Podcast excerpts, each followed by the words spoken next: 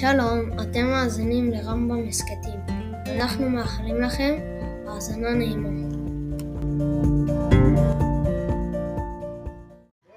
והסיפור להיום? החסיד והשר הרומאי.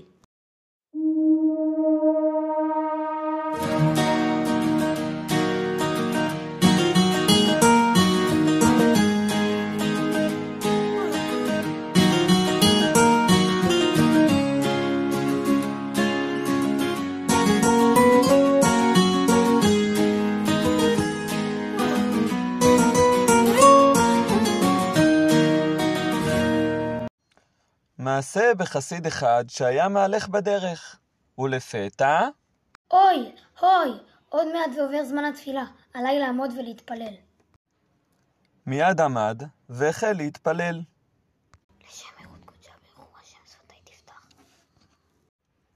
בדיוק באותו זמן עבר במקום שר רומאי חשוב ביותר.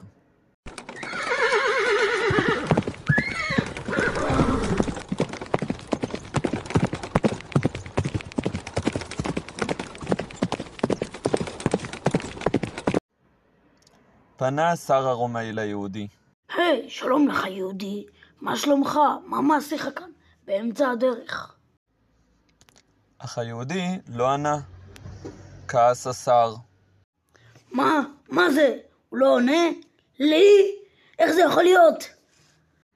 למרות שכעס השר מאוד, החליט לחכות ליהודי לסיום תפילתו. אך, היהודים האלה, לכל דבר יש סיבה.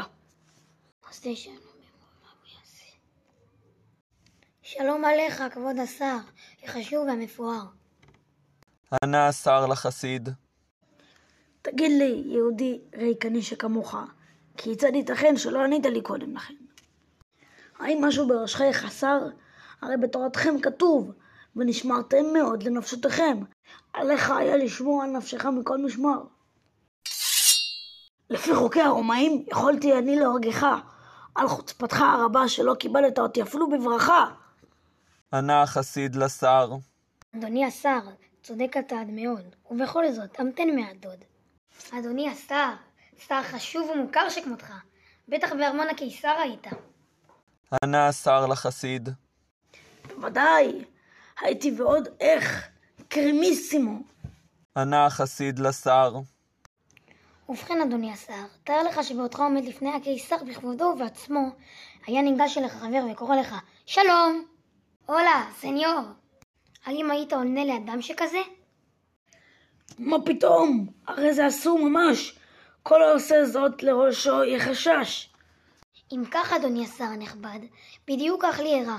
שאת רצון השם שעליו נתפלל, קיימתי בשמחה גדולה, ולא יכולתי להפסיק מתפילתי. כי אם הקיסר הוא מלך בשר ודם, ולמרות זו חובה לכבדו, ואם בתפילתי לפני מלך מלכי המלכים, יכול אני להפסיק את תפילתי לאמירת שלום? רואה אני דבריך נכוחים, יהודי יקר. כמה חוכמה יש בתורתכם.